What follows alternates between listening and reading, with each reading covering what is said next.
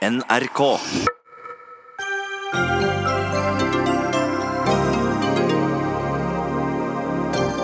Foreldrepermisjon bør deles i to, mener Likestillingsombudet.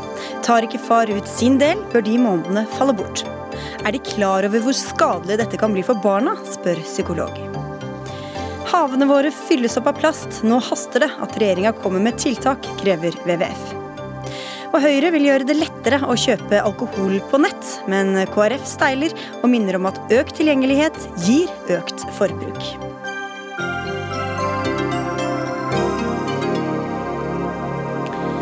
Dette er Dagsnytt 18 i NRK P2 og NRK2. Jeg heter Sigrid Solund, og vi begynner med noe som angår oss alle. Norsk vannkraft har gjort at vi i alle år har kunnet varme husene og steke maten vår med ren samvittighet og lave strømregninger.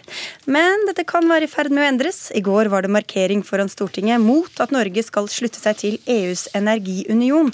En tilslutning som motstanderne mener kommer til å gi oss høyere strømpriser, ødelegge livet i vannmagasinene og overføre suverenitet til EU. Så hva er egentlig fordelene, olje- og energiminister Terje Søviknes? For det første så har vi allerede et velutvikla kraftmarked i Norden. Eh, og Det EU gjør nå, er på mange måter å kopiere den nordiske modellen og få et mer velfungerende kraftmarked i eh, Europa.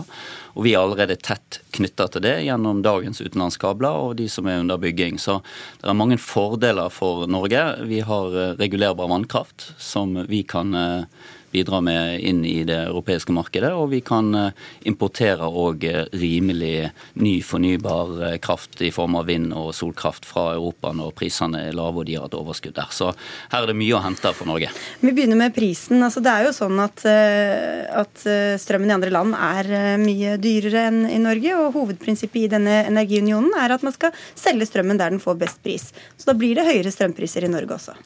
Det er forsøkt nå å skape et skremmebilde av at eh, kabler og for så vidt eh, tredje energimarkedspakke, som er det vi egentlig diskuterer eh, nå i Stortinget, vil føre til betydelig høyere strømpriser. Det er ikke riktig. Litt høyere strømpriser bare? Ut Utenlandskablene er det gjort mange analyser ut av, og bl.a. fra vårt eget, eh, vår egen reguleringsmyndighet, NVE, som sier at eh, to-tre øre over tid eh, er det kablene vil bidra til i forhold til prissituasjonen i Norge. Og Da skal vi huske på at vi i utgangspunktet har veldig lave strømpriser. Har hatt, har nå og skal ha i fortsettelsen, fordi vi har de unike ressursene vi har. Men litt høyere enn det vi har i dag, da? Jo, men ikke i nærheten av det skremmebildet som nå blir forsøkt skapt om 10, 20, 30, 40 øre per kilowattime. Det er et eh, helt eh, urealistisk bilde. Jeg vet ikke om det var stikkord til deg, Senterpartileder Trygve Slagsvold Vedum. Hva slags priser eh, mener du vi kommer til å få? Altså, jeg tar vare på alvor det EU-kommisjonens ekspertgruppe har sagt som målsetning. Og Det er jo det som er hele poenget til Terje Søviknes òg. At han skal gi makt fra det norske storting, fra den norske regjering, fra den norske reguleringsmyndighet til EU-kommisjonen og EUs reguleringsmyndighet. Og Da er det lurt å lese hva de sjøl har skrevet, og hva de sjøl har sagt. Og De har sagt at det er et mål at det ikke skal være større forskjeller mellom to øre i forskjell i strømpris i Europa. At målet er utjevning av pris. Og det taper norske forbrukere på, og norsk industri. Og det her er jo en del av hele målsettinga til EU om å lage en energiunion som fratar makt, som fratar norsk eh, handlefrihet, og som vil på sikt øke norske energipriser. Og Det er det som er så uklokt. For i Norge har vi hatt en suksess med at det har vært norske politikere, norsk reguleringsmyndighet, som har hatt eh, kontrollen. Og nå overfører vi makt fra norske politikere som kastes i valg, men, til et EU-byråkrati. Til, til, de som har hatt kontrollen, som bl.a. Senterpartiet har hatt. Dere satt i regjering i to, fra, og fra 2005 til 2013 økte dere elavgiften hvert eneste år, bl.a. med klimabegrunnelse. Så hvorfor er det først når EU kom på banen at dette med høyere strømpriser er så farlig? Nei, Vi innførte jo bl.a. grønne sertifikat, for vi ønska å bygge ut norsk uh, mer fornybar kraft i Norden. jo, men dere, dere, økte også elavgiften? Ja, det har vært en suksess. Og så har jo elavgiften økt uh, hvert år under dagens regjering, eller i hvert fall flere ganger ja, under dagens regjering. Men det var ikke det jeg spurte om. Hvorfor, er, hvorfor, hvorfor, var det greit når dere gjorde strømmen dyrere, men ikke greit når EU eventuelt gjør det? Men Vi kan kastes i valg òg. Altså, hvis uh, norske folk er da misfornøyd med den avgiftspolitikken som norske politikere fører, så kan man kastes i valg. Og Det er et veldig godt prinsipp. Mens det som er problemet nå, er jo at man skal overføre makta fra Stortinget til et EU-byrå som skal da eh, som en norsk reguleringsmyndighet skal kopiere vedtakene fra. Vedum, du tar så ja, men det er jo der, feil. Du må jo lese din egen proposisjon, ja. og du må lese også EU-kommisjonens intensjon bak hele den energipolitikken. og Da overfører du makt fra Norge til EU, og du skal men, ha som målsetting å ha felles energipris i Europa. Eh, kommer, fordi at Tredje energimarkedspakke og tilslutning til ACER betyr ikke at vi gir fra oss nasjonal styring av energiressursene. Det er fortsatt nasjonale myndigheter som skal stå for konsesjonstildeling når det gjelder utbygging av ny fornybar kraft, enten det er vannkraft eller vindkraft. Vi skal regulere utbygging av nettet, vi skal regulere utbygging av utenlandskabler. Så det ACER er, det er altså et byrå for samarbeid mellom de nasjonale reguleringsmyndighetene i EU og EØS-området. Og det skal først og fremst være et rådgivnings- veiledningsorgan. Og bare i helt særskilte tilfeller der det er uenighet mellom to land, eller der to land ber om at ACER kommer inn, så vil de ha en vedtaksmyndighet. Og da lar vi det ligge litt, for vi skal fortsette litt med disse prisene. Andreas Thon Aasheim, du er spesialrådgiver i Norvea, Norsk vindkraftforening. Hva mener dere, kommer prisene til å gå opp? Alt annet like, som Søviknes er inne på, så vil eh, kraftprisen stige et sted mellom ett og tre øre. Hvordan merker vi det på en vanlig strømregning, da? Altså En vanlig husholdning vil merke det i fra si, 160 til 300 kroner i det bildet. Men det som er viktig å ta med seg, er at alt annet er ikke like. Blant annet som eh, Slagsvold Vedum var inne på, vi bygger jo nå fornybar kraft som aldri før her til lands. Eh, og Det som virkelig vil drive kraftprisen, det er hvis Europa lykkes med sin kraftpolitikk og vi får en reell pris på karbon. Det vil slå mye mer enn disse 1-2-3 ørene som kablene slår ut. Eh, hvis man lykkes med en CO2-pris, da vil vi begynne å kunne merke det.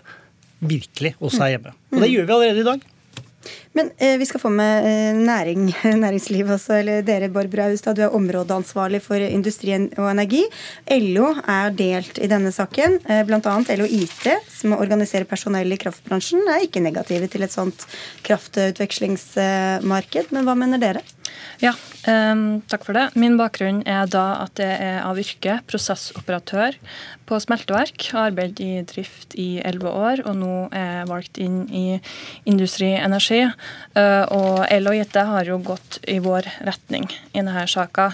Uh, men vi skal, vi skal, snakke litt mer sammen. Hvilken retning er det? uh, at de er kritiske til ACER. Ja, for dere vil ikke ha dette, dette at vi bidrar deltar i dette markedet? Uh, nei, men det var jo pris vi skulle mm, diskutere ja. nå. Og ett øre uh, prispåslag, det høres jo bagatellmessig ut, men for vår industri så vil det påføre 100 millioner. Uh, eh, 400 millioner, ett øre. Mm hvis det blir fem øre, som også er foreslått, så vil det bli to milliarder. Ja, Så det som er småpenger for oss i husholdningene, er store penger for dere? Det blir store penger. Og når vi vet at Det internasjonale energibyrået har levert en rapport der de slår fast at fra 2020 til 2030 så vil vi få en dobling av eh, kraftprisen i Norge. Eh, og Det er jo bra hvis, eh, hvis Frp ikke ønsker økte strømpriser lenger. Men når Søviknes sin forgjenger Tord Lien har gått aktivt ut i media og vil ha dyrere strøm for at det skal bli mer lønnsomt å bygge kabler, så er jo det litt motstridende. Og vi ser jo òg at altså bedre kobling opp imot tettere kobling til Europa. For vi har jo kjempemange kabler fra før, men vi importerer jo mer av den europeiske strømprisen mm. hvis vi har bedre utveksling. Ja, og Hvordan kan du som Frp-statsråd gå med på det, Søviknes?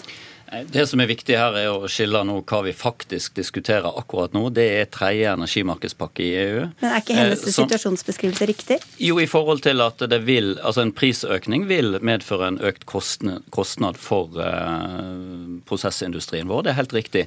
Men det som er først og fremst eh, knytta til, til utfordringene framover, er jo at vi kommer til å få en økning i nettleie. Langt større betydning for, eh, for aktører i, eh, i, i, industrien og hos forbrukerne det, enn det som er knytta til utenlandskabler.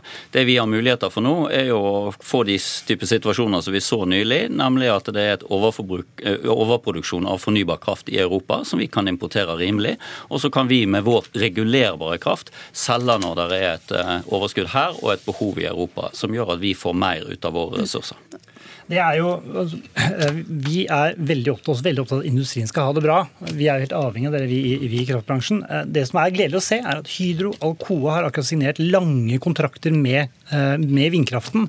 Eh, Hydro øker produksjonen på Karmøy. Jeg har litt vanskelig med å kjenne meg igjen i dette skremselsbildet av at industrien er, står på randen til å flagge ut, all den tid vi har Europas billigste eh, kraftproduksjon, og vi kan nærmest øke den over natten mm. hvis vi ønsker det. For Hva får dette å si? Hvilke klimagevinster kan vi hente inn på dette? Glad du spør. Eh, jeg forsøker, få, jeg forsøker å få disse kablene til å bli kalt klimakabler. Eh, for klimaeffekten av disse kablene er helt ubestridelig. Eh, de to kablene vi nå bygger, til UK og til, til Tyskland, de estimeres å kutte opptil 10 millioner tonn CO2. Den til UK alene den estimeres å kutte 5 millioner tonn CO2. Det er alle personbilene i Norge. Men risikerer vi ikke å, utkonkurrere også annen fornybar energi med vår vannkraft, altså vindkraft og så Vi, vi supplerer jo. I, uh, Industrienergi har vært greie nok til å regne ut hvor mye mindre gass vi kommer til å selge til uh, eh, UK med en sånn kabel. 10 TWh, give and take. Glimrende. Fantastisk. Det er jo det eh, klimapolitikk handler om. Fase ut fossile brensler, inn med fornybart. Og eh, Trygve Slagsvold Vedum, din forgjenger eh, Liv Signe Navarsete sa da hun var partileder at Norge burde være et grønt batteri for kontinentet gjennom eksport av fornybar energi. Gjelder ikke det lenger? Men vi må jo ha en bevisst holdning til hvor mye energi vi skal eksportere. For det aller viktigste det er å sørge for at vi kan ha lange verdikjeder i Norge. Ja, men, men gjelder ikke det lenger, at vi skal være et grønt batteri altså, for Europa? Vi har kabler til Europa allerede. Men vi har vært opptatt av at i Norge skal vi ha Vi må tenke på hva er det som gagner norsk industri, eh, norsk eh, fornybar energi. Men skal vi ikke også tenke på hva som gagner kloden? En gang til. Skal vi ikke også tenke på hva som gagner kloden? Jo, og jeg mener at Noe av det klokeste for kloden er at vi også klarer å bygge industri i Norge som er grønn, som er ren, som er veldig energieffektiv. Og så er det, Norge er et kaldt land, det er et mørkt land, og det er klokt at vi i Norge har hatt et gode for befolkningen som er relativt lave energipriser når det gjelder fornybar energi. og Det, det gode mener vi skal fortsatt skal ha. Og så er det, Når du ser på EUs energiunion, som er målsettinga med de her ulike forordningene, så er målsettinga at det skal bli mer lik strømpris i hele Europa. Og så er Norge et netto eksportør av energi. Og det kan være veldig andre hensyn vi skal ta enn Tyskland og Frankrike, som er mer netto importør. Og det er det som vi er så uenige med regjeringa, at man skal da overføre makt til et EU-organ. Ja, det var vi inne eh, på innledningsvis. Og det er et veldig veldig stort prinsipielt spørsmål. For energipolitikk og valutapolitikk er helt avgjørende for hvordan man kan utvikle men, men, det land. Hvilken makt er det vi skal overføre? Det må, må Trygve Slagsvold Vedum være konkret på det. Uh, Søviknes, um, du, du, nikker til det som blir sagt her om at dette er god klimapolitikk også? Ja, det er god klimapolitikk, og det bidrar til at vi fortsatt kan få vekst i produksjonen av fornybar energi i Norge. Det bygges og, ut noe mer vann og vindkraft og i Norge enn på 25 år. Tilsvarende ja. utvikling ser vi i, i EU, der det er mye mer vind og sol. Ja, og, og, hvor de også har sagt at de skal øke andelen fornybar energi til 27% innen 2030. Ja, Så dette vi, kan hjelpe til med det. Mens vi har nesten 70% i vår energi. Men hvordan kan det da ha seg at statsminister Erna Solberg i 2014 i Brussel jobbet aktivt mot to av disse tre målene som jeg nevnte, altså advarte eksplisitt mot egne fornybarmål for EU? Du, Det skal jeg ikke gå inn i, det må nesten Erna Solberg svare for uh, eh, sjøl. Ja, altså, vi, din forgjenger gjorde vel det i, i det, det, jeg er opptatt av, er at vi skal ha en ja, vekst Så dere har skiftet mening da, eller? Du, Jeg vil ikke gå inn i det Erna Solberg har sagt den gangen. Det kjenner jeg ikke til bakgrunnen for, uh, og hvor, hva setting det ble, ble sagt i. Men det vi er opptatt av, er at vi skal både ivareta kraftkrevende industri og sørger for at eh, kraft, kraftbransjen i Norge har gode vilkår. fordi eh, det er få som kanskje vet det, men kraftbransjen i Norge er den største verdiskaperen på fastlandet. Og for Trygve Slagsvold Vedum så burde det være viktig å sikre den bransjen gode vilkår, slik at man ute i distriktene, der denne produksjonen skjer, både med vind- og vannkraft, faktisk eh, kan skape både arbeidsplasser og inntekter til kommuner, fylkeskommuner og staten, som jo er 90% eier av norsk vannkraft. Ja, takk. Jeg sjøl glad for at vi kom inn på klimatiltak. Eh, for norsk industri er et av de beste klimatiltakene vi kan ha. Altså Norsk industri, metallindustri, produserer til en åttendedel av CO2-utslippet kontra høyutslippsland. Skal vi ikke hjelpe andre land i å få det samme rene industrien? da? Ja, det må vi gjerne gjøre. Og vi har laga jo framtidas materiale i Norge. Altså vi produserer silisium for solcellepanel. Altså vi produserer materialer til aluminium, altså biler, lette biler, lette fly. Altså det er en del av klimaframtida. Alle er jo enige i at vi må jo ha eh, teknologi og klær og hus i framtida òg. Da må vi jo produsere dem på en god måte. Og det gjør vi jo kjempebra i Norge. Altså, den aluminiumen vi produserer på ett år i Norge, hvis den var produsert i eh, et høyutslippsland, så hadde det kommer til å tilsvart at vi ikke hadde sluppet ut noe som helst CO2 i Norge på tre måneder. Så stor innsparinger på CO2. Da vil jeg spørre deg til slutt, da, Asheim, Hvordan kan vi forene da, alle disse interessene som potensielt kan stå i konflikt? Altså, vi gjør det jo allerede i dag. Vi lever jo egentlig i en god symbiose. Det vi egentlig diskuterer her, eh, er nok en del andre eh, fasetter. Jeg lover, Mine medlemmer lover at vi skal sørge for at dere har all den kraften dere trenger, sammen med vannkraften vår. Eh, men vi kan ikke låse oss inn i en situasjon hvor vi later som vi ikke er en del av Europa. Det får bli siste ord, og så får vi se hvem som vinner fram. Foreløpig ser det vel ikke ut til at eh, dere gjør det, Trygve Slagsvold Vedum, men takk skal du ha med for at du var med i Dagsnytt 18. Og takk til deg, Andreas Tone Aasheim fra Norvea, Barbro Austad fra Industri og Energi, og til olje- og energiminister Terje Søviknes. Dagsnytt 18 alle hverdager klokka 18.00 på NRK P2 og NRK2.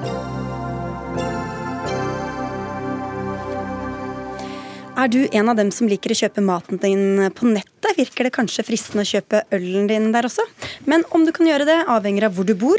For i dag er det slik at det er opp til hver enkelt kommune om nettbutikker som f.eks. kolonial.no har skjenkebevilling. Og det bør det bli slutt på, sier du helsepolitisk talsperson for Høyre, Sveinung Stensland til nrk.no i dag. Og du kaller dagens ordning både gammeldags og byråkratisk. Men hvorfor er det så viktig å få nasjonale regler for dette? Det er ikke viktig å få nasjonale regler, men dette er et hinder for utviklingen av netthandel for dagligvarer. Det er ikke viktig, men ja, vel. Alt vi holder på med er jo viktig, da. Men jeg skjønner ikke hvorfor ikke vi kan få til en ordning tilsvarende den som Vinmonopolet har, med en nasjonal godkjenning for nettsalg av alkohol. I dag er det sånn at du kan bestille brennevin fra Vinmonopolet, vin fra Vinmonopolet, eh, uansett hvor du bor, uavhengig av hva kommune du bor i. Eh, mens en nettaktør for dagligvarer han må søke bevilgning i hver enkelt kommune. Selv om en kanskje har et kontor i Lørenskog, så må en da søke i alle de kommunene som en ønsker å ha service til.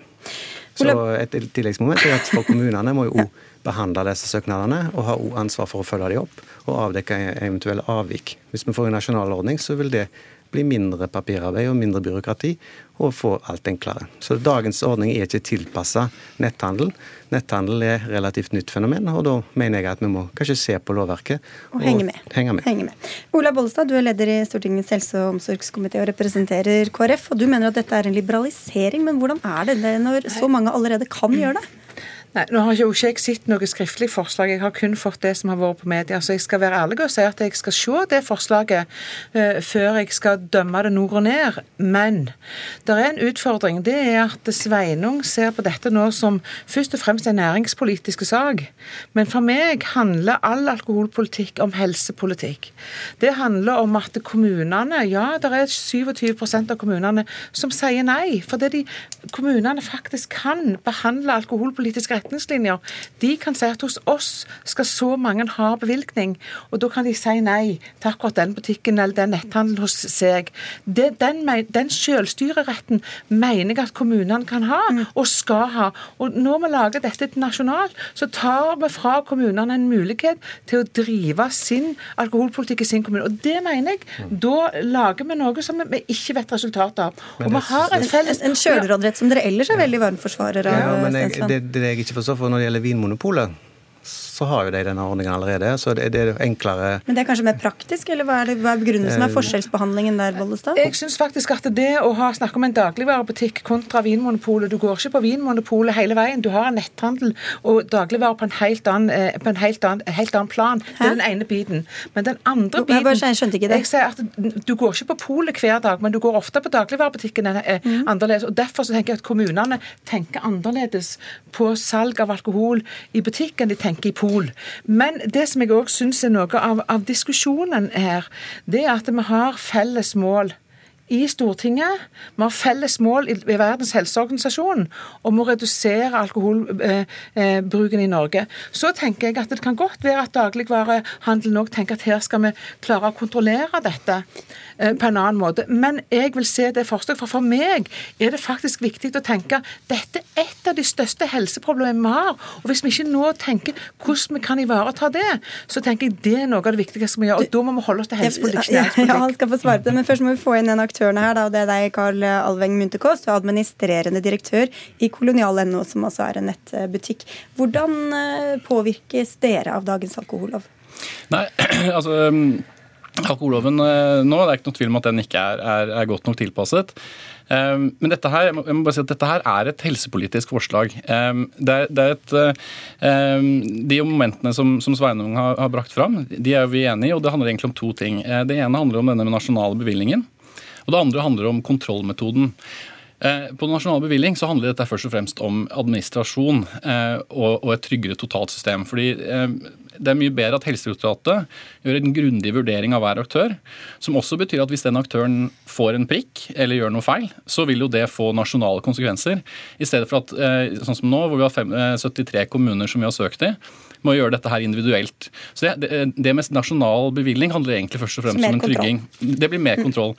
Eh, det, det, det, vil spare ressurser på begge sider av bordet. Den andre siden av dette her er den elektroniske kontrollen. Altså når, når alkoholloven ble skrevet, så hadde man ikke mulighet til å f.eks. sjekke legitimasjonen med, med elektroniske hjelpemidler som bank-ID.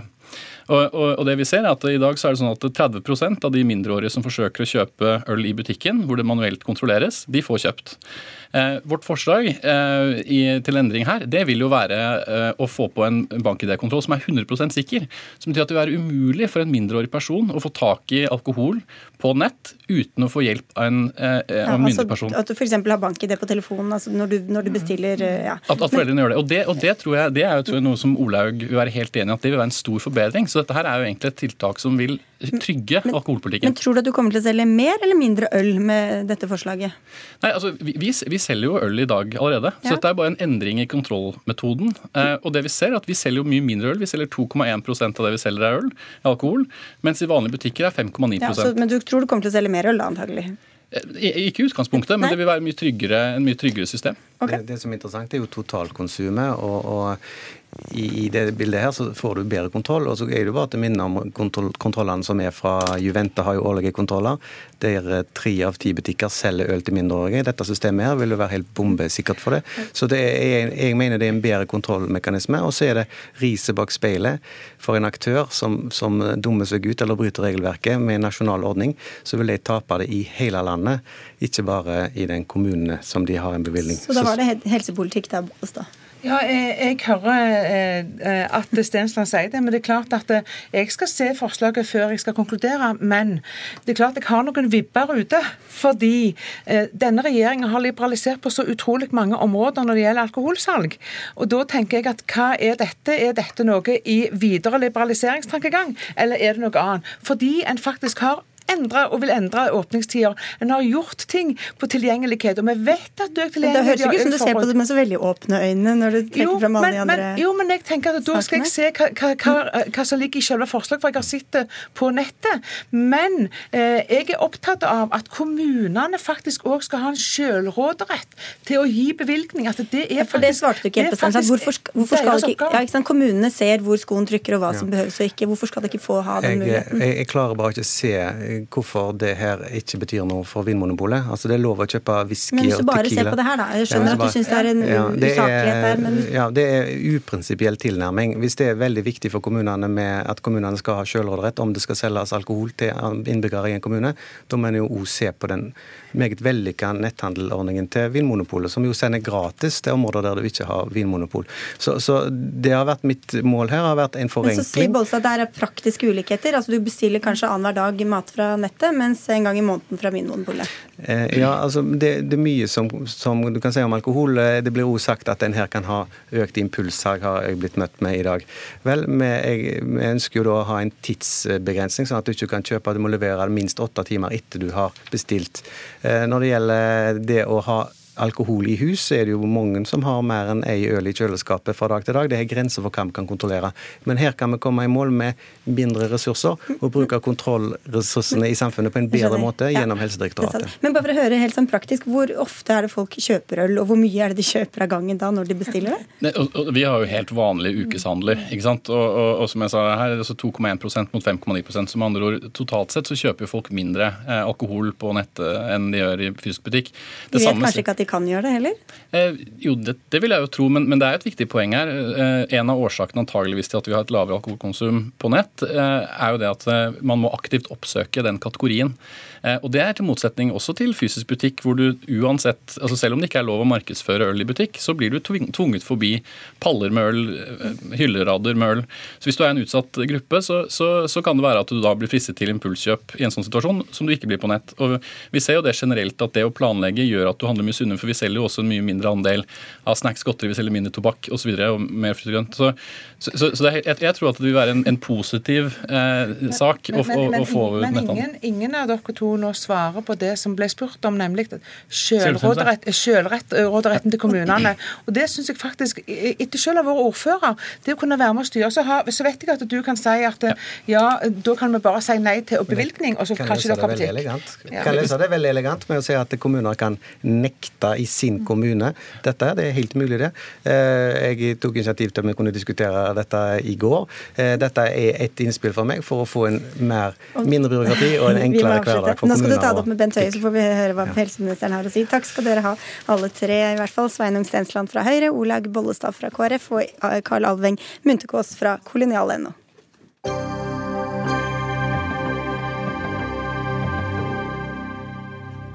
Ikke før har regjeringa gått med på en tredeling av foreldrepermisjonen, før kravene kommer om en todeling. Etter at mor har vært hjemme i seks uker etter fødsel, bør resten av permisjonen deles i to mellom foreldrene. Det krever bl.a. Likestillings- og diskrimineringsombudet, senest i en kronikk i Dagens Næringsliv i går. Og hvis far ikke tar ut sin halvdel, bør den gå tapt. Så det er ganske dramatisk likestillings- og diskrimineringsombud, eh, Hanne Bjørsson. Ja, og så er det viktig å være klar at det er ikke noe jeg har foreslått. Dette er et uh, tungt fagutvalg oppnevnt av regjeringen som enstemmig går inn for en todeling. Og det har støtte fra uh, fagdirektoratet til Barne- og likestillingsdepartementet, og det har støtte bl.a. fra NHO. Som er dere, altså fagdirektoratet? Eller? Ja. ja. ja. Nemlig. Uh, men uh, så er spørsmålet at, hvorfor skal man Eller hva, eller hva er fordelen ved at eh, kvinner skal da Eh, være kortere hjemme enn i dag i praksis, og at menn skal da forbeholde seg en mye større del av permisjonen. Samfunnet vårt har endret seg veldig. Altså Kvinner og menn eh, forventes å være likestilte på alle plan. Kvinner tar høyere utdanning, deltar i arbeidslivet på lik linje med menn. Og menn forventes å være gode fedre for sine barn. Og forskning viser at det er veldig viktig at menn er gode fedre for sine barn. Og da mener jeg at det er viktig at man sender gjennom de systemene som samfunnet finansierer, så sender man det eh, klare signalet at her skal både mor og far ha en tilsvarende lik rolle, men med en liten del mm. selvfølgelig til mor som er medisinsk begrunnet fordi det er hun som føder. Ja, litt før og etter fødsel. Ja. Turi Susanne Berg-Nielsen, du er forsker og professor i klinisk barnepsykologi ved Regionsenter for barn og unges psykiske helse, og du har sagt til TV 2 at dette forslaget er kunnskapsløst. Hvorfor det? Det er kunnskapsløst hva gjelder barnet. Det er ikke likestillingsombudet som her er kunnskapsløst. Uh, kunnskapsløst. Nei, det er, um, det er i forhold til det vi vet i dag om betydningen av den første tiden uh, for barns uh, utvikling og psykiske helse, så, så, er det noe kunnskapsløst. Forslaget med seks måneder deling er for så vidt helt ok, det. Det som blir galt, er at man da, når far av en eller annen grunn ikke tar ut denne permisjonen, at da familien mister um, den, det, de seks månedene. Og um, da er det jo ikke far som ikke tar på seg de familiære oppgaver som samfunnet ønsker at han skal gjøre. Det går utover. Men hvem er det det går utover? Det går jo utover barnet seks måneder gammel. Mm. Ja, du... Som da mister mm. å ha en forelder hjemme, for da er jo begge ute i jobb. For mor må jo da også ut i jobb. For det er ikke det at du sier at menn er dårligere omsorgspersoner Nei, for disse spedbarna, men det er det at du er redd for at, ikke de, ikke, at, for at de fedrene som da ikke tar permisjonen, så går det utover barna, og bruker det som et virkemiddel. Nettopp. Og da er vi tilbake til uh, 70-80-tallet, når seks måneder gamle babyer skal inn i barnehagene som de verken er bemannet til eller kvalifisert til. Og dessuten så er det ut ifra barns psykiske uh, helse og utvikling ikke å anbefale å putte barn under ett år i barnehagene. Så spørsmålet er da, Bjørsem, hvorfor eh, i likestillingens navn, hvorfor skal eh, dette gå utover barnet når foreldrene ikke gjør som samfunnet vil? Men dette skal jo ikke gå utover barnet. For det første så er det en fordel for barn å få en god kontakt med far. Og for det andre så skal jo foreldrepermisjonen fortsatt være ett år. Eh, og vi vet at fedre faktisk ønsker å være hjemme med barna sine. Vi ser at når vi gikk ned til ti uker fedrepermisjon, eller som pappakvote, så gikk det ned når man nå øker igjen til 14. Så starter fedrene, og fedre uttaler at de ønsker det. Og så kan det sikkert være noen fedre som eh, kanskje syns at dette er vanskelig. Jeg tror at dette er en veldig viktig reform, og vi vet at reformer må fases inn, og man må jobbe dem frem. Men jeg forstår ikke hvorfor vi legger til grunn at fedre ikke vil liksom være hjemme sammen med barna sine. Jeg syns det er en litt sånn negativt syn ja, i forhold til fedre. Fordi Forskninga som du sier, viser jo at de fleste tar ut den kvoten de blir tildelt. Men Så hvorfor frykter du at så mange ikke kommer til å gjøre det? ja, for Seks måneder er tross alt mye lenger. Og vi vet at noen ikke gjør det. Og uansett, Hvorfor skal man velge et virkemiddel eller en insentiv som går utover barna? Hvorfor skal ikke det gå utover far? Ja, når han ikke på F.eks. ta fram pensjonspoeng i stedet for For eksempel. Men det som er så rart, er at man, hele, hele, utgangspunktet ditt ligger til grunn at fedre ikke tar ut permisjon, men at mødre på en måte gjør det. Men vi vet jo at noen ikke gjør det. Det er en del fedre som ikke tar ut hele kvota. I, I dag så er det en fleksibilitet rundt det. Men, men, hvis vi legger til grunn at mor og far skal ha både samme rett og samme plikt til å på en måte ta, ta seg av barnet sitt, og at samfunnet bare forteller alle arbeidsgivere at sånn er systemet i Norge Det som, det som jeg reagerer litt på, og jeg snakker også med folk om dette, at det legges til grunn at fars jobb er så mye viktigere enn mor. Så det er så mye vanskeligere for og jeg sier ikke nødvendigvis at du sier det, men at det er så mye vanskeligere for far å være borte fra arbeidslivet enn det er for mor. Mor innehar nå etter hvert dommere, leger, psykologer. De er i alle steder i samfunnet. Og, og, og, arbeidsgivere sier faktisk at dette er viktig for dem også for at kvinner skal komme opp og befeste sin plass i arbeidslivet. Vi skal få inn en tredje person her. Barne- og likestillingsminister Linda, likestillingsminister Linda Hofstad Helleland. Ikke en todeling, men en tredeling er det nå dere skal gå inn for. Ja, og det er regjeringa i gang med å, å jobbe med nå. En, eh, en, ordning der vi deler permisjonen i, i tre, der én går til far, én går til mor. Og den siste delen, på 16 uker, den er opp til familien sjøl å fordele. Og jeg mener det, det er den aller beste løsningen. Og det ut ifra at eh, hver familie er forskjellig.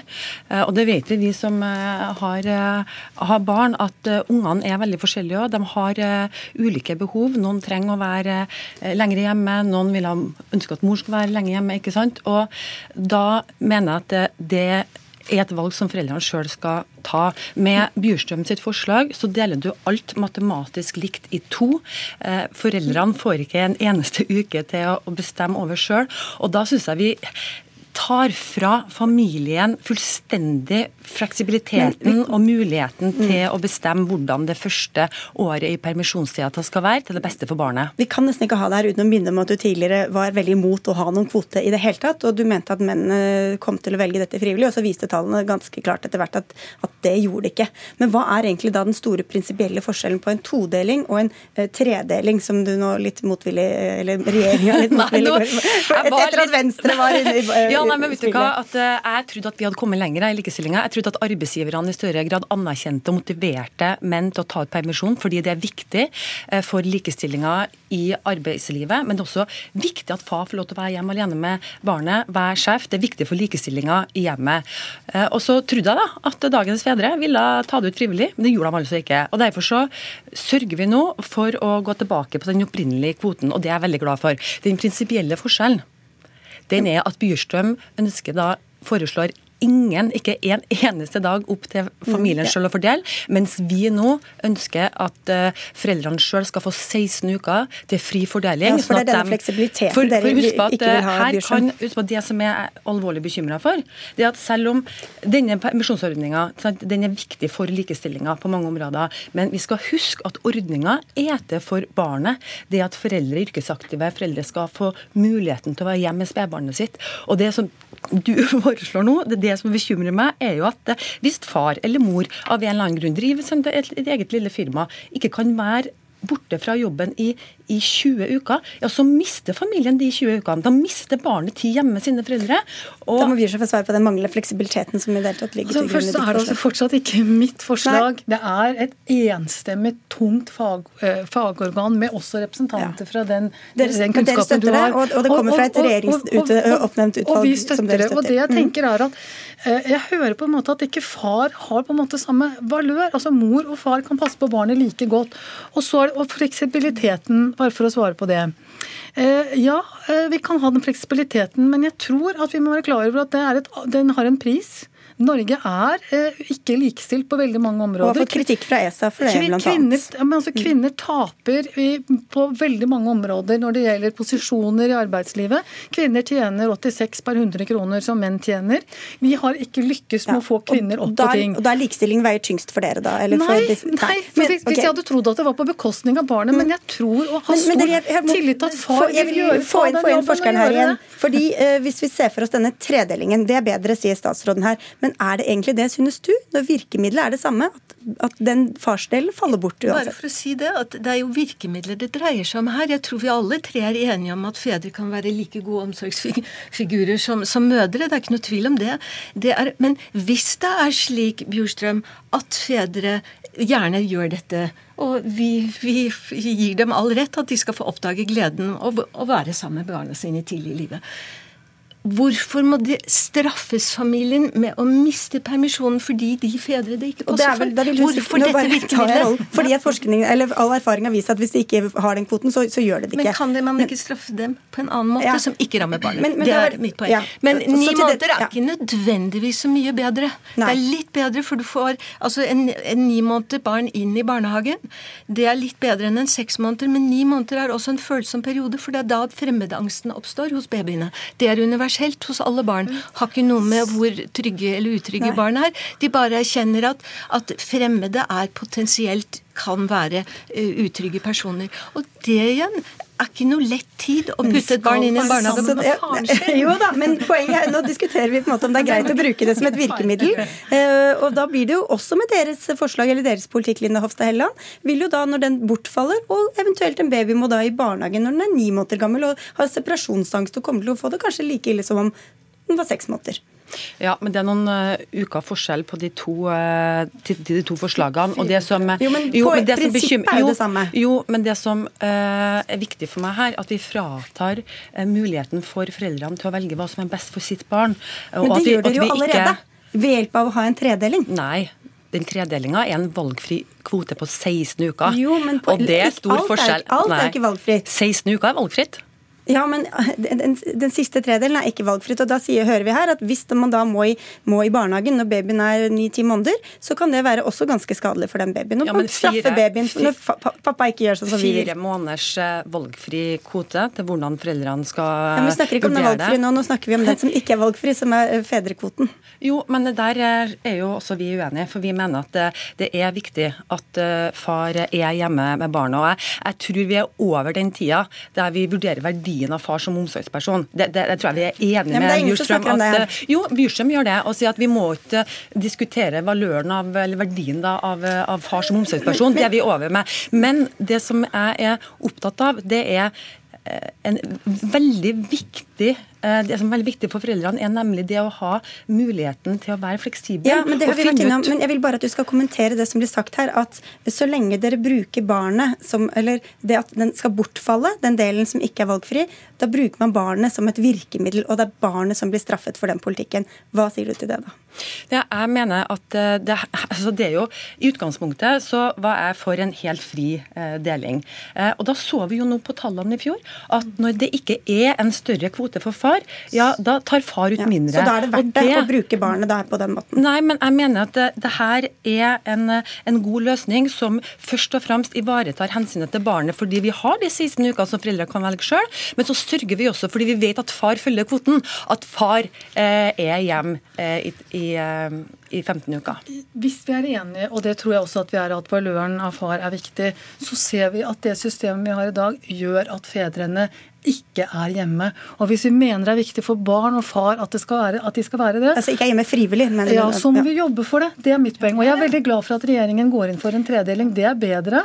Men jeg mener at man bør se på det uh, tunge utvalget og de rådene man har fått, ja, men... og se om man etter hvert hvert fall bør kunne fase inn en sånn ordning. Også fordi at det innebærer at de som i dag ikke har rett til fedrepermisjon i det hele tatt, vil få ja, det med det nye forslaget. Ja. Men da må jeg bare høre med deg det helt på tampen. da. Tror du at vi hadde hatt så gode og omsorgsfulle fedre som det vi har til disse spedbarna i dag, hvis ikke likestillingspolitikken hadde blitt vektlagt så tungt i denne Det er denne... ingen som er imot likestillingspolitikken. Ja, men dette er, er jo de virkemidlene man trenger da, ja, det, for å få men, fram dit man, man trenger ikke ramme barnet som virkemiddel. Det finnes mange andre virkemidler man kan uh, bruke for at fedrene skal ta mer tid hjemme sammen med barna. Man trenger ikke la det ramme barnet primært, at det er barnet som skal lide. Det er å rette baker for smed. Takk skal dere ha alle tre for at dere kom. Hanne Bjurstrøm, likestillings- og diskrimineringsombud, Linda Hofstad Helleland, som altså er ny barne- og likestillingsminister, og Turi Susanne Berg Nilsen, professor i klinisk barnepsykologi.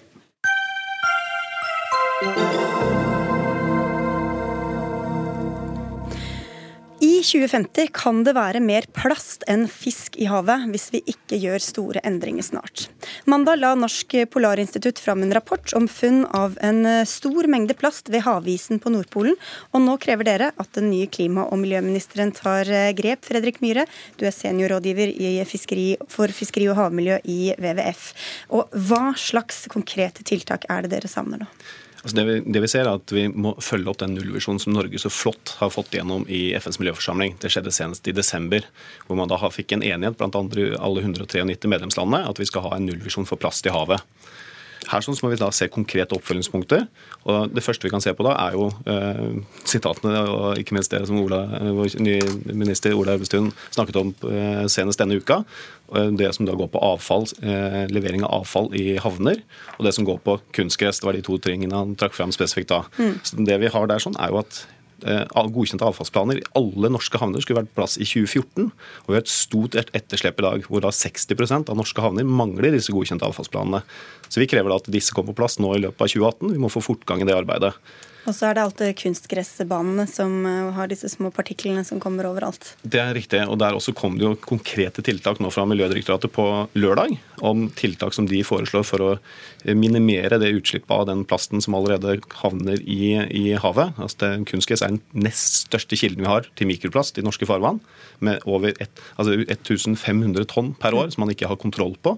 Og det er klart, De tiltakene som Miljødirektoratet kommer med, de må vi se komme i, i, gang. Og ikke minst vi må se at dette er krav for alle nye anlegg som kommer på plass nå fremover. Vi begynner med de to uh, tiltakene, Ola Elvestuen. Uh, ny klima- og miljøminister, får gratulere. Det er vel første gang du er her i form av den, uh, kraft av den stillingen. Men det er det. Takk skal du ha. Men disse to, og dette haster, det er dere helt enige om? Dette er helt kritisk.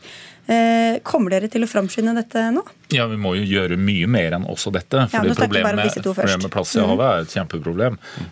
Og Det ene er jo oppfølgingen. Nå har vi jo fått i gang eh, forsøk med at du kan levere inn eh, fra skipsfarten og fiskeriet at du kan levere gratis i havn. Det er riktignok dette Fishing for Litter som er et forsøk.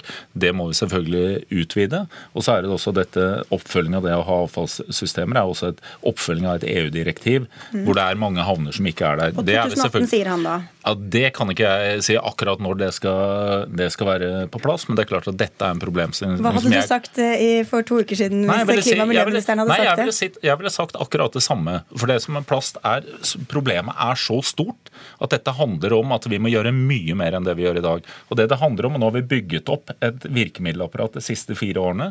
Vi har økt fra null i budsjett til 80 millioner i budsjett. Det som er støtteordning til opprydningstiltak, det som er dette med fishing for litter. Det er andre forsøk og vi har fått i gang også et arbeid mot mikroplast, inkludert det med kunstgressbaner. Og Nå handler det om å lage den systematikken i, i arbeidet framover. Og da er det når Miljødirektoratet har kommet med sine anbefalinger, så må vi se på ja, ok, hvordan implementerer vi dette. Akkurat som vi vil se på hvordan vi skal implementere det som er et enda større kilde til mikroplast, som er, som er mikroplast fra bildekk og slitasje. Så, så, så, ja, dette handler om at du skal gjøre det og få resultater, men akkurat når det kan ikke jeg si, for jeg har sittet en uke der jeg er. så jeg må gå nærmere inn på. Men, Men, du må jobbe, men du må jobbe systematisk over tid. vi snakker litt mer om, om virkemidler, for dere vil også ha en, litt mer drastiske virkemidler kan du si, som vi kan merke i hverdagen. Ja, og nå er Det jo, altså, det er en veldig god timing, for nå er også behandlingen av avfallsmeldingen på plass i Stortinget. Den skal behandles nå i februar. Og der sånn så har vi også et krav om at vi skal fase ut den unødvendige engangsplasten. Altså plastbestikk, plasttallerkener, engangskrusene som man har på bakrommet her i NRK til og med, og som man har i Stortinget, senest når vi da hadde innspiller på avfallsmeldingen, eh, og q-tips og den type unødvendig engangsplast. Eh, Og her sånn så ser vi at det er mange andre land som har begynt å stekke seg eh, på dette. her. Costa Rica skal ha på plass dette innen 2021. De har bestemt det. Frankrike skal ha det på plass innen Ja. 2020. sånn at vi kan ikke være noe dårligere i klassen enn det. Det er bare å gjøre det, Ola Elvestuen, og forby det. Og det er også, eh, FN sier at de skal fase ut denne unødvendige engangsplasten innen 2022. Derfor så mener vi at Norge må ha det som er også et mål, og ikke minst et krav da, om at engangsplasten skal ut innen 2022. Mm. Nå må jeg passe på rollen min her. Nå ligger jo Denne saken ligger jo i Stortinget, så er stortingsgruppa og stortingsgruppene til de tre regjeringspartiene som først og fremst må behandle dem. Men jeg skal selvfølgelig også ha kontakt med dem i den prosessen som er der. Men dere er stemte det- nei til dette eh, på Venstres eh, landsmøte, så vidt jeg vet? Ja, men Det er en voldsom satsing på å, å ha en kamp mot plast i havet. Og så er det Ja. alltid en diskusjon om hvor Men ikke forby det. Ja, så er det alltid en diskusjon om hvor detaljert et program skal være. Og så tror jeg også man skal ha med seg, eh, hvis jeg skal ta venstrehatten Nei, skal, jeg ta, skal jeg ta venstrehatten her, så er vel vi også som bare for noen få år siden eh, hadde inn, og fikk gjennom forslag om at du skal ha en avgift på plastposer, med den reaksjonen det fikk. Og nå ser du i år med handelsstanden innfører nå faktisk en avgift på Altså, plastposer. Var litt modigere enn dere, så, da. Nei, det ble, jo faktisk, det ble jo faktisk vedtatt, og så kjenner vi reaksjonen på det. Det tror jeg alle husker. At det, var, at det var på mange måter ikke moden. Kanskje i dag hadde det vært det, eller nå er det med handelsstanden, som er et positivt bidrag, fordi vi skal redusere også bruken av eh, plastposer i Norge. Så her sånn handler det om hva er tiltakene vi skal gjøre her? Og så skal vi ha et øye også inn mot EU, Ja. hvor det er også ulike prosesser på disse forskjellige men, men dere, du, sakene. Du nevnte Stortinget. Vi eh, må få med kjapt eh, deg, Else May Botten. Du sitter i energi- og miljøkomiteen på Stortinget for Arbeiderpartiet og driver altså og holder på med denne avfallsmeldinga. Hva vil dere gjøre utover de tiltakene som regjeringa er i gang med? Ja, det, Jeg er jo saksordfører i den saken, så, og det var jo bra at eh, den nye statsråden da var med på høringa. For det kom jo veldig mange gode forslag der. Så det jeg mener og Arbeiderpartiet er opptatt av, det er at vi skal stramme inn målsettingene, slik at vi er mer ambisiøse, og at vi kommer med konkrete forslag. Det var veldig sånn, diffust til å være konkret. Ja, nei, men Jeg er bekymra for at vi bare sender utfordringer til, til regjeringa. Jeg mener at vi er nødt til å være tydelige. Også på Fishing for liter så mener vi er en veldig god ordning. Vi mener også at det må være gratis, sånn at det blir gjort at man henter inn fiskeutstyr. Men hva og tar vil dere med seg gjøre på mer? Hva, vil dere, hva, hva er deres forslag? Ja, det, det første er jo at vi vil ha den ordninga obligatorisk. At, at eh, det skal finnes. At det ikke er bare en prøveordning sånn som det er i dag. Vi ønsker at alle norske havner skal ha det. Så de 60 som mangler det, må jo få det. Så er vi veldig enige med WWF i forhold til at eh, vi må innføre et mål om å fase ut og forby produksjon og bruk av enkelte engangsartikler i plast i Norge. Gjerne innen 22, eh, absolutt. Men så må vi jo se på hvordan vi skal gjøre det med kunstgressbanene som var nevnt eh, Mm. tidligere her. At eh, Det er jo noe som idretten sjøl har tatt initiativ til, eh, og vi må jo være med og Så, hjelpe så dere er litt enige eh, her. og Vet Vi må, vi må være litt, litt raske på slutten her, Botten. Det, det må jo svi litt Mm. hvis Arbeiderpartiet er mer eh, ambisiøse enn dere på plassen. Nei, jeg, jeg, jeg synes Dette er en avfallsplan som ble lagt frem eh, tidligere enn at jeg har kommet inn i denne stolen. og Jeg er innstilt på at nå skal vi ha en, nå bør vi ha en god dialog med de tre regjeringspartienes stortingsgrupper, og også med Arbeiderpartiet og andre partier, for å se på den avfallsplanen og for å få en god løsning. Og så tror jeg også vi må ha med det internasjonale aspektet. Ja. At vi må vi- jobbe også Mm, det det for å ha gode avfallsplaner Så også internasjonalt. Du, helt på tampen her, eh, ja, veldig veldig kort, eh, Ja, jeg mener at Norge må ta ledertrøye i forhold til opprydding av plast i havet òg. Mm. En ting er at vi skal være gode til å ikke forsøple havet, men vi må er nødt til å ta en større rolle. Ja, men den må, den må de stramme på, altså. Vet dere hva? Vi, er nødt til, vi kommer tilbake til dette når meldinga er behandla, skal vi si det sånn? Vi gjør det. Takk skal dere ha alle tre for at dere kom, Ola Elvestuen, klima- og miljøminister, Else May Botten fra Arbeiderpartiet og Fredrik Myhre fra WWF. Hør Dagsnytt 18 når du vil. Radio NRK Radio.nrk.no.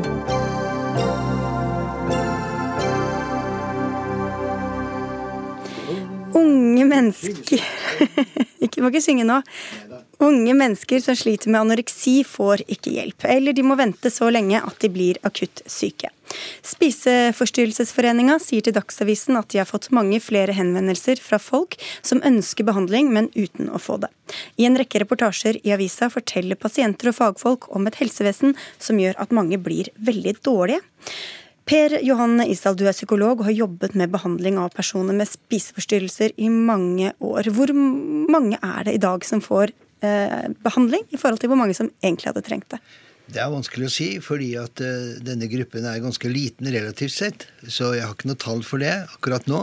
Men uh, det at det kommer fram i media jevnlig at det er mangel på behandlingsplasser, det hører med. I den forstand at, at, at sykehusvesenet, da, psykisk helsevern, er organisert, da, spesielt ved spiseforstyrrelser, ut ifra prinsippet syk sykere sykest. Altså hvis du er litt syk, så skal du behandles eh, lavest i systemet. Er du veldig syk, så skal du på regionalavdeling. Mm. Og det skaper et problem, fordi det er ventetid mellom alle leddene, og derfor så blir det en opphopning. Det er vanskelig å si om det er flere som søker behandling ut ifra reportasjer, men jeg tror faktisk at det er sant. Mm. Men tall, det har jeg ikke nå. Nei, nei, men hva slags eh, behandling eh, er det de hadde trengt, som ikke de får, ja. de som er syke? Ja, det er viktig at når de man ser på sykdommens spesifikke hvordan sykdommen arter seg. La oss si ta lille Trine. Hun blir da uh, i 11-12-årsalderen opptatt av kroppen. 13-14-årsalderen så får hun kjærlighetssorg. 14-15 så øker det på. Og så blir det bråk i familien, og så blir hun henvist til fastlegen. Da har hun allerede holdt på med spiseforstyrrelser en tre-fire år. Og så kan hun få en diagnose etter hvert på DPS. Og da er hun en rutinert spiseforstyrret person. Med andre ord, en som kan metodene ved behandling av spiseforstyrrelser, må da komme til med en gang. Mm. Og man kan ikke si at fastlegene ikke er hederlige og sterkt jobbende mennesker, men det, det klarer de ikke. Mm. Så jeg mener at den, den pyramiden må snus på hodet. Altså det må være mer poliklinisk tilbud i lokalt Rett og slett. Distrikt, ja. DPS, altså Distriktspsykiatrisk Diskri ja. senter. Ja. Sveinung Stensland fra Høyre, du er tilbake her. Um, hvor fornøyd er du med det tilbudet dere har skaffa denne pasientgruppa? Jeg er ikke fornøyd. Det er for lang eh, ventetid. Eh, det er for mange som må vente for lenge på å få god behandling. og Noe av det som psykologen her peker på, er utfordringen. At det, det er for, for, lang ventetid mellom de forskjellige Men Hva har dere gjort da for å få har, bedre tilbud? Vi har satt i gang et arbeid. Vi varsla jo i fjor at vi ville ha eh, større satsing på psykisk helsefeltet. Dette er jo innenfor psykisk helse. Eh, vi har satt i gang arbeid med pakkeforløp, sånn at det skal bli mer forutsigbart. Og så har vi òg sett på hvordan vi kan få kortere ventetid. Eh, og så er det kanskje aller viktigste tiltaket, det er å sørge for at det er flere psykologer i kommunene, flere helsesøstre i kommunene, der forebygging kan begynne tidlig. For man venter for lenge, og en blir for syk før en får hjelp. Som vi hørte, da. Vi skal høre litt fra psykologen etter hvert. Men Nicolas Wilkinson fra SV, du sitter i, også i helse- og omsorgskomiteen på Stortinget. Hvordan vil du karakterisere tilbudet folk med alvorlige spiseforstyrrelser får i dag? Vi er i en veldig veldig alvorlig situasjon. Som Stine Brattvold sa i Dagsavisen, altså hun blir sjukere og sjukere og får ikke hjelp. Og hver dag med anoreksi så tikker klokken. Fordi hver dag som går, så er det vanskeligere å overleve uten varige skader.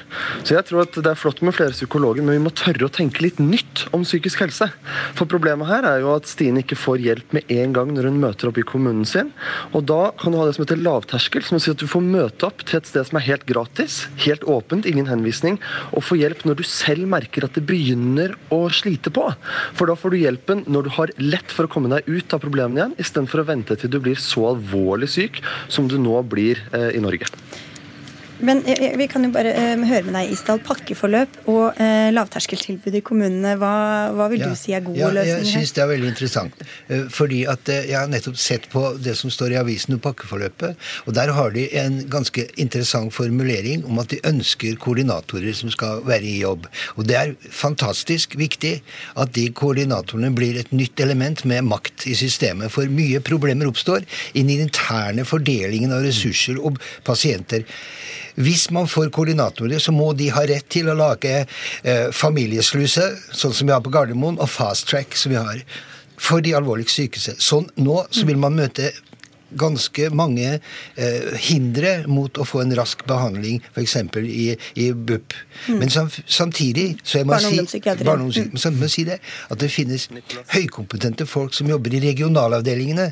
Og de må da få anledning til å jobbe lokalt koordinere lokalt, være i poliklinisk aktivitet. Det vil altså si at der er det et ressursspørsmål det- i det tredje leddet, altså på regional. Det høres jo ikke ut Wilkinson, som om det er veldig store uenigheter om hva som bør gjøres her, mellom, altså politikerne imellom? Nei, noen ting er det ikke det. Vi syns det er kjempeflott med koordinatorer. Men jeg tror at vi må tørre å tenke litt annerledes. Nå har vi en regjering som har sittet i fire år, og situasjonen for psykisk syke er veldig alvorlig. Anoreksi har blitt den tredje vanligste dødsårsaken blant unge jenter i Europa, og én av fem sliter med psykiske plager. Og det grunnleggende problemet her er jo at folk får ikke hjelp før de nesten er på dødens dør. Altså Det er folk som har prøvd å ta livet sitt, det er folk som holder på å dø av anoreksi. Så hvis i stedet for å løse problemene tidlig, så kastes man inn seint. Og som Isdal da sier, ja, det er flott å ha en sånn fast track for folk som er syke, men da fortsetter vi jo som i dag, da, hvor folk får bli dødssyke før de får hjelp. Og Derfor foreslår SV i statsbudsjettet både her med å få hjelp i kommunene, men også brukerstyrte senger. Dvs. Si at folk når de kjenner at det begynner å røyne på, så kan de legge inn seg selv Ja, og få hjelp i en uke for å komme seg ut av det vonde. Mm. Men, men, yes, ja. Sånn som Stine, hun som har utløst debatten. Stensla, hvordan skal disse fanges opp før de da er blitt så alvorlige at det tar også mye lengre tid å behandle dem i etterkant? Nå, nå snakket Wilkinson om lavterskeltilbudet i kommunene, og det viktigste lavterskeltilbudet i kommunene er en god helsesøsterdekning, og det har vi prioritert over flere år, og helsesøsterdekningen blir bedre og bedre. Det er det aller viktigste tiltaket vi kan gjøre for forebygging innen psykisk helse. Når det gjelder brukerstyrte senger, så er det òg noe som bygges opp ute i de helseregionene. Så tror jeg alle tre i denne debatten er enige om at ting ikke er godt nok, og vi ønsker å gjøre ting bedre. Og nettopp derfor så er det altså, vi- gjorde et stort løft for eh, kreftomsorgen med pakkeforløp innen kreft. Det har vært vellykka, bl.a. med koordinatorer. Det samme måten å jobbe på ønsker vi å, å, å gjøre innenfor psykisk helse.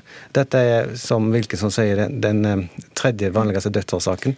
Men det er den vanligste dødsårsaken innenfor psykiatrien. Det er svært, svært alvorlig lidelse som vi må ta mye, mye større ansvar for.